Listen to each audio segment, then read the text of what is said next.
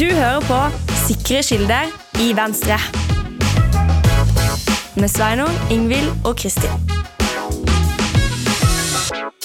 Hallo, du lytter til Sikre kilder i Venstre. Jeg heter Sveinung. Jeg heter Ingvild. Jeg heter Kristin. Og vi eh, holder koken ved eh, mens det koker ute. Snart sommer, snart ferdig på Stortinget. Eh, vi prøver å gjøre unna alt vi kan, men vi skal også prodde litt med dere. Hva har du gjort siden sist, Ingvild? For det første så må jeg jo si at jeg har funnet morkel. Eh, ja. grattis! Tusen takk. Har du sånn? spist den? Jeg har spist den. Den var den beste soppen jeg noen gang har spist. For morkel, det var sånn sopp som vokser på graver, ikke sant? Fant du den på en gravplass? Eh, jeg vil faktisk ikke si hvor jeg fant den. Oi! Oi, oi, oi. Å ja, det. Nå har du et hemmelig morkelsport i Oslo. 100%. Nei, faktisk i Mandal, da. I Mandal, Okay. Du må til Mandal for å finne. Ja vel, gratulerer. Takk for det. Ellers så har jo vi rett og slett vært på sommerfest i går, vi, Sveinung. Ja, jeg tenkte jeg ikke skulle nevne det, men jeg har kanskje litt rusten stemme, så det er mulig jeg har ja, det er sommerfestsesong, den store sommerfestsesongen i det politiske Norge, så Venstre hadde sommerfest i går kveld. Det hadde også Oslo Venstre for øvrig. Eh, og jeg møtte jo dere litt senere på Syng, så jeg har også litt rusten stemme etter en rolig Eviva i Spania der inne. Eh, så mm, Nei, men, eh, men det var veldig fint å møte masse glade, liberale venstrefolk til en eh, liten samling før vi virkelig skal begynne å slite oss eh, halvt i hjel for å vinne valget. Nå er det jo 95 dager igjen bare, så det er fint å møte aktivistene sine og henge litt. Jeg hadde jo også mål om at jeg skulle presentere Oslo Venstres hovedbrosjyre for valget, men den ble dessverre holdt som gissel av Bring på Tøyen. Ja. Så nå håper jeg han kommer snart. Han har bare ligget der noen dager. Nettopp. Er det en politisk statement, tror du? Eh, Det mm, håper jeg ikke. Men var deres sommerfest bra? Det var veldig bra. Um, jeg føler jo at kanskje jeg kan eh, fortelle litt om hva du har gjort siden sist, Sveinung. Fordi Nei, jeg kan ikke fortelle noe. gjennom, Dette er et privat arrangement.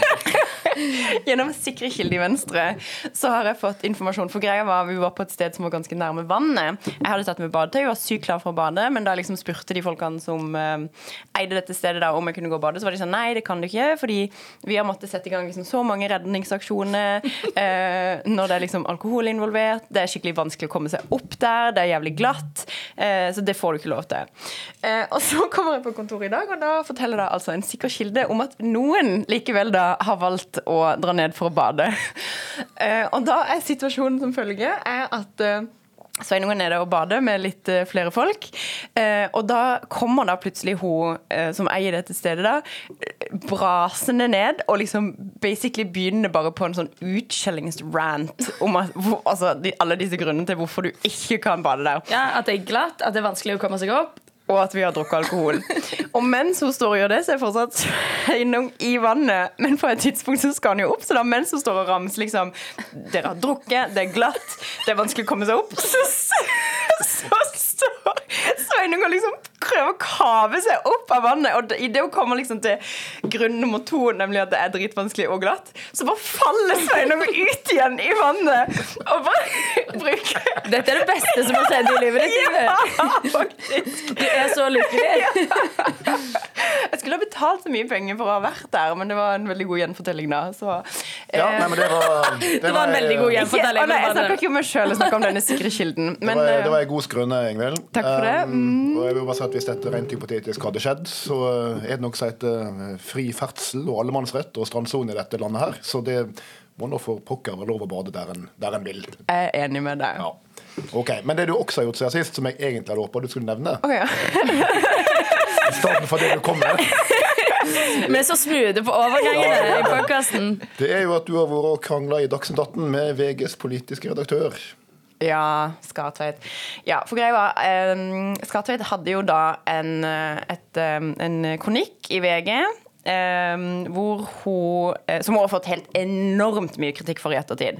En kronikk da hvor hun uh, mente at det måtte være en um, sammenheng da mellom den debatten vi har hatt i Norge om norsk ruspolitikk, og denne økningen i kokainbruk blant barn og unge. Uh, og, og, og skrev et innlegg som var altså så kunnskapsløs, hvor hun bl.a. sier liksom Ja, nå som Riksadvokaten har, eh, har gjort at det ikke lenger er lov å ransake disse barna, så vet ikke politiet lenger hva de skal gjøre, og de blir ikke plukka opp. Altså sånn, det var så mange feil i det innlegget her, da. Eh, så da hadde jeg et svarinnlegg eh, i VG, da, hvor jeg blant annet blant annet si at det, eh, det, vi ser, er jo at det, eh, ja, kokainbruken har dessverre økt i Norge, men det har den også i resten av Europa. Og det er jo ikke sånn at vi antar da at eh, ungdom i Spania har sittet og fulgt med på liksom rusdebatten i Norge og derfor begynt å liksom bruke mer kokain. Det er et fint bilde, da.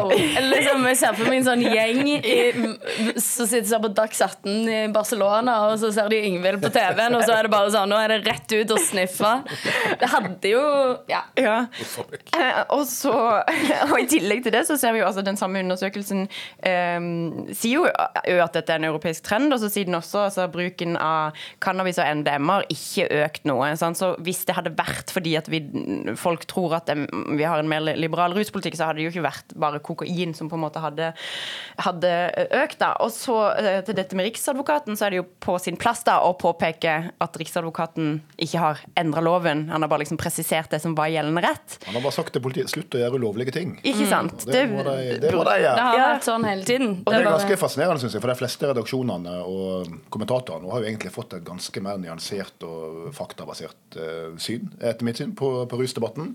Uh, men akkurat Hanne Skartveit, det er masse pent å si om henne, men her må det oppdateres litt. Altså. Ah, 100. Altså, hun bruker fortsatt Dette går ikke. Nei, hun bruker fortsatt ordet narkomane. Ja, oh, Jesus.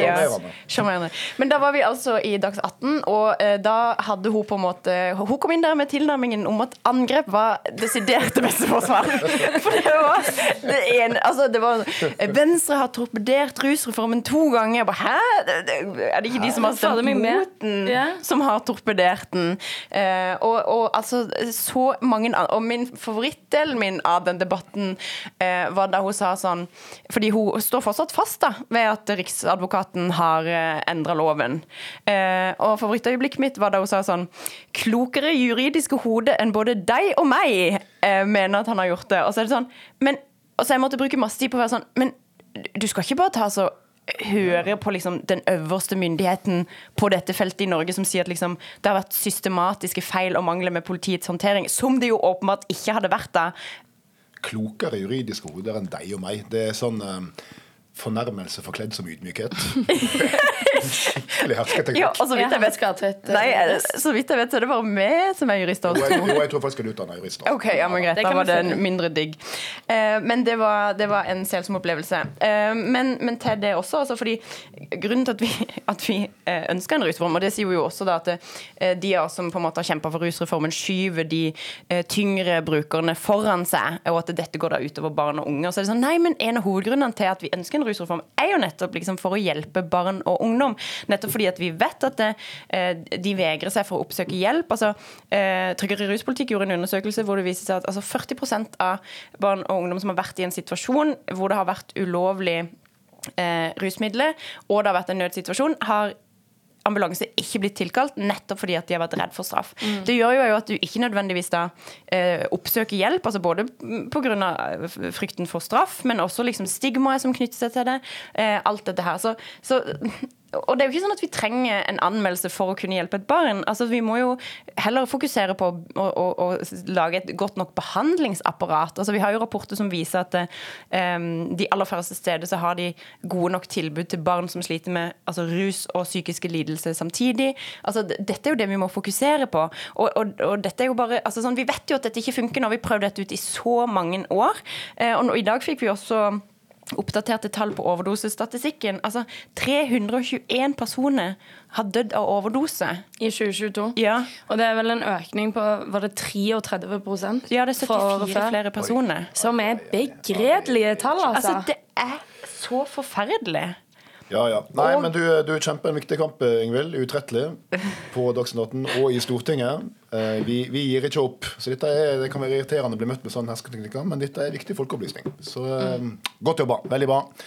Eh, vi var vel egentlig på sida sist, men nå fikk jeg i hvert fall en god runde om Ja, hva har du gjort? Eh, bada. Ja, bortsett fra bada.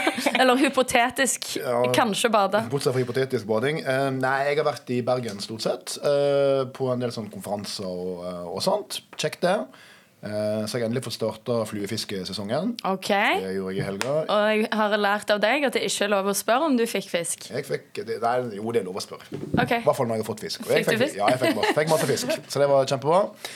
Um, og um, apropos Bergen, så vil jeg også nevne som en sånn lite innstikk her, noe som en bare bør merke seg. For det er litt, sånn, det er litt kuriøst, men det er også veldig kult.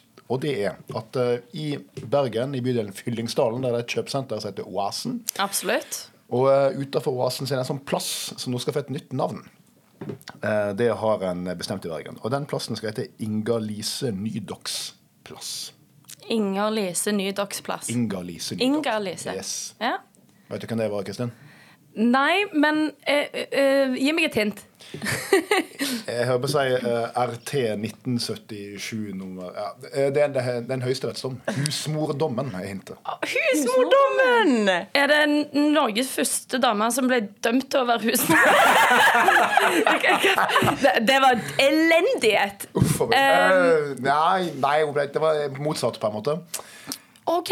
Ja, nei, Husmordommen eh, det er en eh, veldig kjent dom for alle som studerer juss. Eh, men den er ganske viktig, så jeg vet at andre også er klar over den. og derfor dette nå skjer. Eh, og det, Kort oppsummert, det var en høyesterettsdom der det var ei, eh, ei kvinne som levde i et voldelig eh, ekteskap og skulle ha skilsmisse. Eh, hun fikk jo skilsmisse, men så skulle hun dele verdiene og huset. Og sånt, ikke sant? Og da var det jo slik at mannen krevde å få alt, for det var han som hadde jobba og betalt for alt sammen. Og det var jo egentlig gjeldende rett, at liksom det, det er det som du anser som bidrag i ekteskapet økonomisk. Men så sa Høyesterett at men hun har også bidratt, selv om hun har vært husmor, gjennom barnepass og matlaging og alt det du gjør som husmor, så du får huset. Eh, og det var en utrolig viktig høyesterettsdom. Eh, veldig viktig likestillingsframsteg mm. mellom kvinner og menn, eh, og arbeid ute og inne. Så Grunnen til at dette skjer er at Bergens Tidende har hatt en veldig god podkastserie som heter Dommen. Så den bør dere egentlig sjekke ut hvis dere vil. Dommen heter den podkastserien som handler om viktige høyesterettsdommer. En av dem handler om husmordommen. Og da forteller denne historien da, og at denne kvinna som har vært anonym i, i rettsdokumenter, selvfølgelig, som da heter Inga Lise Nydok, hun var jo fra Bergen, eh, og nå får hun sin egen plass. Hun er jo død nå, da, men eh, en plass oppkalt etter seg. Altså, Jeg får gåsehud av dette. Men er det på Den måte, er så viktig. Er det liksom dette som er forløperen til at man må liksom dele ting når man skilles nå? Nei, altså, På en måte? det er at altså, du likestiller da arbeid i hjemmet, altså Ja, det skjønner jeg, med å liksom kjøpe ting. Ja. Men var det sånn før at hvis man skiltes, så fikk man ingenting? Eh, jeg minner meg at jeg er litt usikker. For å være helt ærlig, det husker Det jeg finnes sikkert en podkast om dette det, det, ja, det. Men, eh, og ikke minst men dette er jo et eksempel på altså når Høyesterett har måttet ta egentlig litt sånn lovgivers oppgave, for dette er jo noe som Stortinget på det tidspunktet burde allerede Ja, ha adressert og lagd lovgivning som ivaretok, som da nå heldigvis har skjedd. Men uh, et bilde på at liksom da Høyesterett gjorde det, som er òg eh, f.eks. i dag, da, hvor vi ikke har tilstrekkelig god eh, lovregulering av samboerforhold, som jo Venstre har fått eh, flertall på Stortinget for at det skal komme nye regler om. Så det fins ja, absolutt. Så, så det finnes en, del- det finnes en del kvinner i norsk historie som er veldig kjente og har gjort viktige kamper for likestillinga. Og så finnes det noen som er totalt ukjente, som hun her, men som nå kanskje kan bli litt mer kjent, og som har stått i en vanvittig belastning på veggene av veldig mange kvinner over mange år. 100 Kult. Flere Yes. kvinnelige gatenavn, yay. Min favorittdom er ludderdommen, forresten. Den som slår fast at du får lov å slå noen like hardt som du oppfatter at du blir verbalt angrepet. Nettopp. Det er noen greier som skjedde på Sandnes. I'll tell you later. Greit. Vi får, vi får komme oss i gang. Vi har et par temaer vi skal innom i løpet av podkasten i dag. Um, og det første det er vår eh, spalte, som eh, heter følgende. Nå må regjeringen snart slutte å være totalt ubrukelig. Og i dag er det grunn til å dra frem denne spalta, fordi um, regjeringa, ifølge Dagens Næringsliv, så sitter nå regjeringa i en beinhard kamp der de vurderer om de rett og slett skal si opp viktige deler av klimasamarbeidet med EU. Norge inngikk et klimasamarbeid med EU eh, under vår regjering eh, for å forplikte oss til å kutte klimagassutslipp og ha sanksjonsmekanismer hvis en ikke klarer det. Det er med andre ord Norges første faktisk bindende klimamål, som ikke bare er frivillig å nå, men som du må nå. Eh, Det omfatter også eh, skog- og arealbruk. Fordi skog og areal, myr og alt det der, eh, binder vanvittig mye karb- karbon. Så vi er forplikta til at vi må um, unngå at den slipper ut for masse CO2 osv. fra skog og areal. Og Det medfører noen forpliktelser på måten vi driver arealpolitikk på, skogdrift på osv. Og Her er jo stikkordet skogdrift og Senterpartiet. Fordi dette liker ikke Senterpartiet. At det er restriksjoner på skogdrift, og at det kan komme. Og det er til og med fra EU. Så nå sitter de altså på fullt alvor og vurderer, ifølge DN, da, men jeg tror det er veldig gode kilder, å si opp den avtalen. Og hvis de gjør det, altså hvis det i det hele tatt går an, da altså EU kommer til å nekte, sannsynligvis. Og si at det, det, det her har dere signert på, dere må være med. Så tror jeg at i så fall så kommer hele klimasamarbeidet med ut å ryke. Ja, fordi, dette er jo en veldig viktig del av det samarbeidet. Og det henger sammen. fordi at det er litt sånn enkelt sagt, Hvis du har for høye utslipp i én sektor, så kan du på en måte kompensere med å ha lavere utslipp i en annen sektor. ikke sant? Så både skog og areal, eh, det kvotepliktige og det ikke-kvotepliktige, dette er veldig teknisk, men poenget er dette henger sammen. Så du kan ikke bare ta ut én del av norske utslipp og sier at nei, der vil ikke vi være med å samarbeide.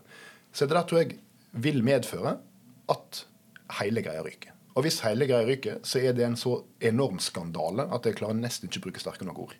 Så eh, jeg vil rett og slett si at i, i dag så er det grunn til å bruke de aller tyngste ordene i vokabularet mot denne regjeringa. Dette må dere ikke gjøre. Jeg kan ikke fatte og begripe at en klima- og miljøminister kan bli sittende hvis noe sånt skulle skje. Eh, og hva i all verden skal de si? Altså, Du vil ha null troverdighet på klima, null troverdighet på internasjonalt samarbeid.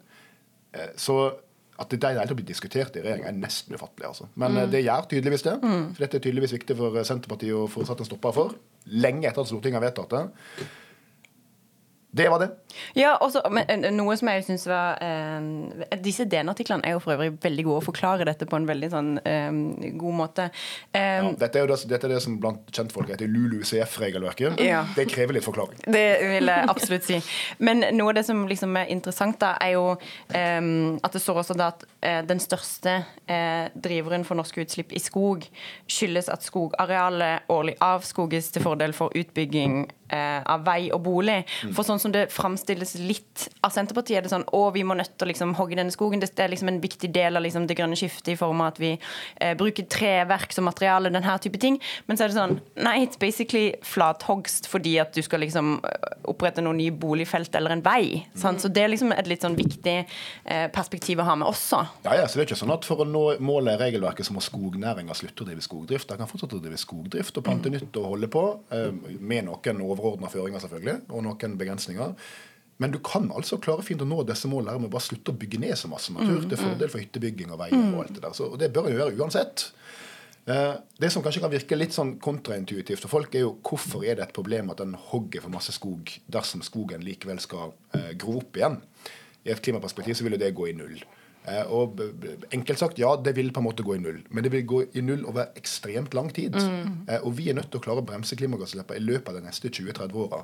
Så det betyr at jo mer karbon du klarer å binde i den tida, jo enklere er dette her å få til.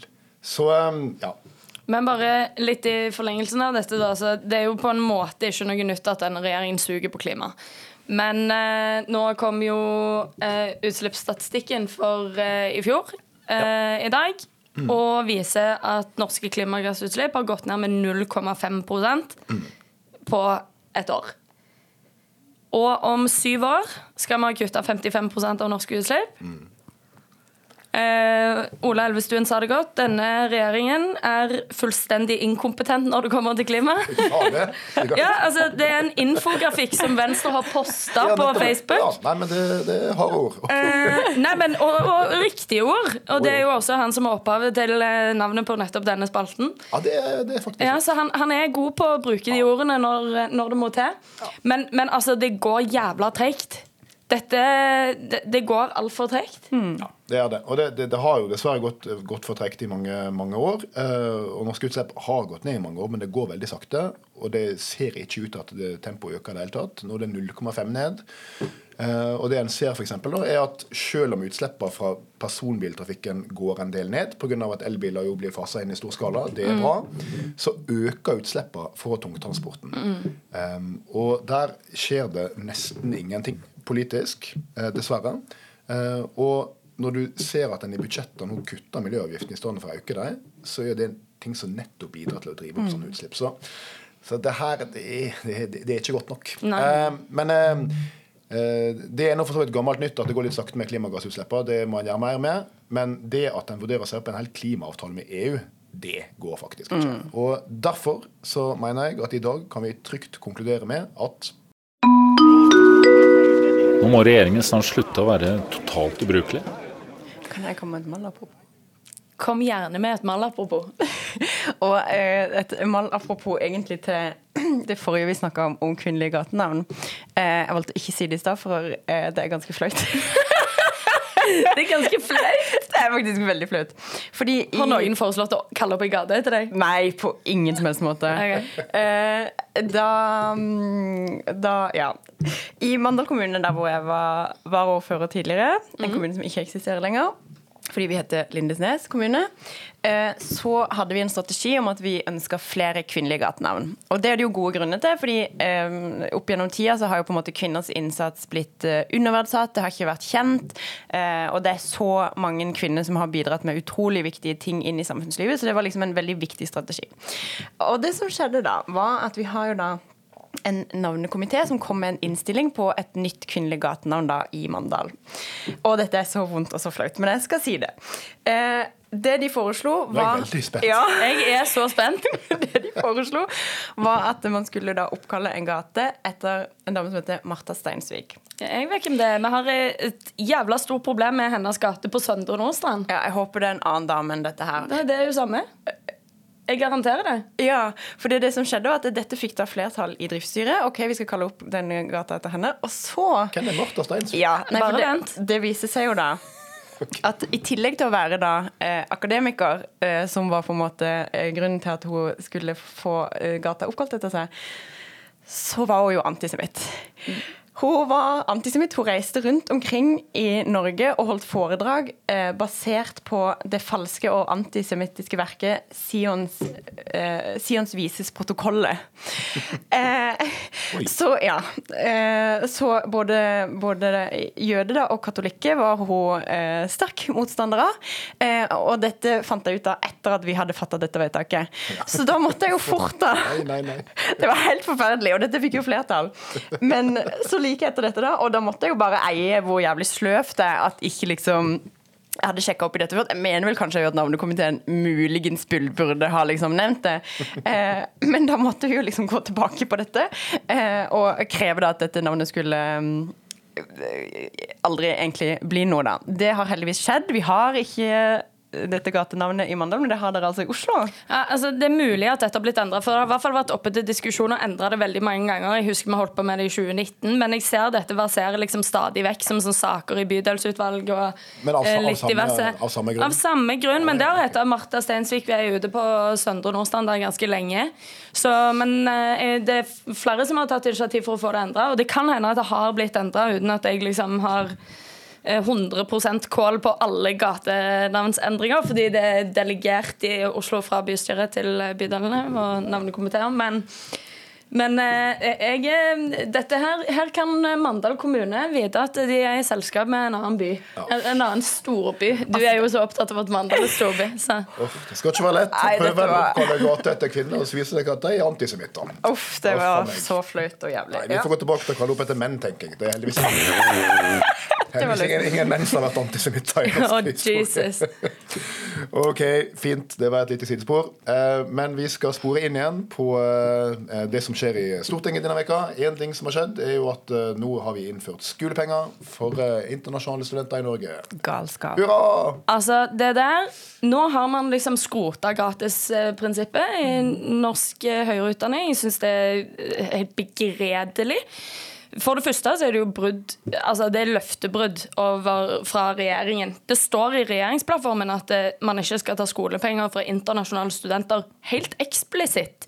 Og så gjør man det likevel for å klare å dekke inn budsjettet sitt. Men det at SV stemte for dette Jeg skjønner at de på en måte har inngått et budsjettforlik, og at det er en viss forventning til at man også skal støtte forslag eh, knytta til inntektssiden av det budsjettet, men de sto jo for bare noen uker siden og sa at dette skal vi kjempe imot, og til siste slutt og full pakke.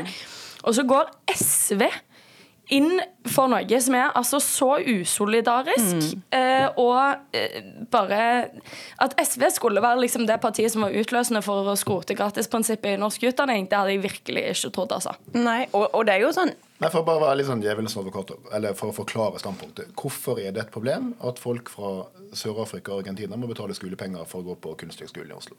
Det er jo et problem, altså det er flere grunner til at det er et problem. Nummer én så er det jo eh, det å sikre mangfoldet ved norske universitet. Det er jo kjempeviktig. altså alt Internasjonaliseringa er jo helt enorm. Og det å sikre at man får inn eh, de ressursene som utenlandske studenter Mange av de blir jo òg igjen i Norge etter at de har endt utdanningsløpet sitt. Og sånn som det er nå, så er det jo kun da studenter som enten selv er rike eller har rike foreldre, eh, som har muligheten til å komme og studere i Norge. da. Eh, ikke minst så har det jo en stor Vet vi hva skolepengene vil bli? Er det opp til hver enkelt Jeg, jeg kan ikke så mye om det. Er Altså- det opp til hver enkelt institusjon? Eller? liksom? Eh, Her har det vel versert litt sånn ulike tall og estimater rundt forbi. Det er jo ingenting av dette som er fastsatt ennå. Det ble jo bare vedtatt på en måte innført denne uken, sånn som jeg har skjønt det. Eh, Men det har jo vært snakk om eh, alt eh, litt avhengig av studiet, litt avhengig av institusjon. At det kan være snakk om alt fra 150 000 til 1 million. Mm. og det er klart det, La oss si at du er fra Sør-Afrika eller fra Argentina og tenker at du er keen på å flytte til Norge for å få deg en utdanning, så er det ikke sikkert du har 1 million. Jeg har ikke 1 million. Nei, og det er jo akkurat det. Det hindrer jo eh, spesielt da studenter fra det globale sør Exakt. til å kunne komme og ta seg en utdanning i Norge. Og eh, universitetene er mot dette, studentorganisasjonene, de internasjonale studentene selv, åpenbart. Så dette, her går de på en måte på tvers av all, altså alle eh, involverte parter sine ønsker, og blåser det gjennom likevel.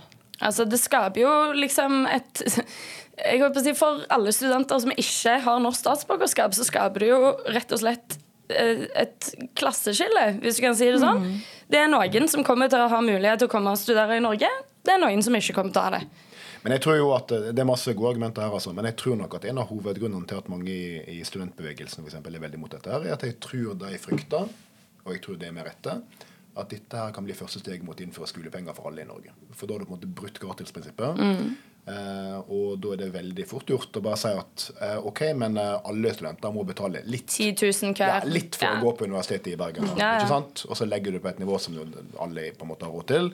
Og så har du sikra sektoren noen milliarder kroner, og så er du i gang. Altså, det Så kan det- definitivt få slippery slope, altså. Jeg tror det er en legitim frykt. da. OK. Um, jeg ser du er utålmodig om å gå, Ingvild, så det skal du få lov til. Du skal i et møte. Uh, men mens du går, så skal vi eh, gå over til eh, til eh, en siste sak som vi bare må snakke bitte litt om. Kristian. Ja. det kom noe rett før vi skulle spille inn, så det er en del eh, som ikke er klart ennå. Men noe er klart. Og det som er klart, er at vi har en vaskekte politiskandale på bordet i Norge. 100 Vi spiller inn denne episoden 8. juni.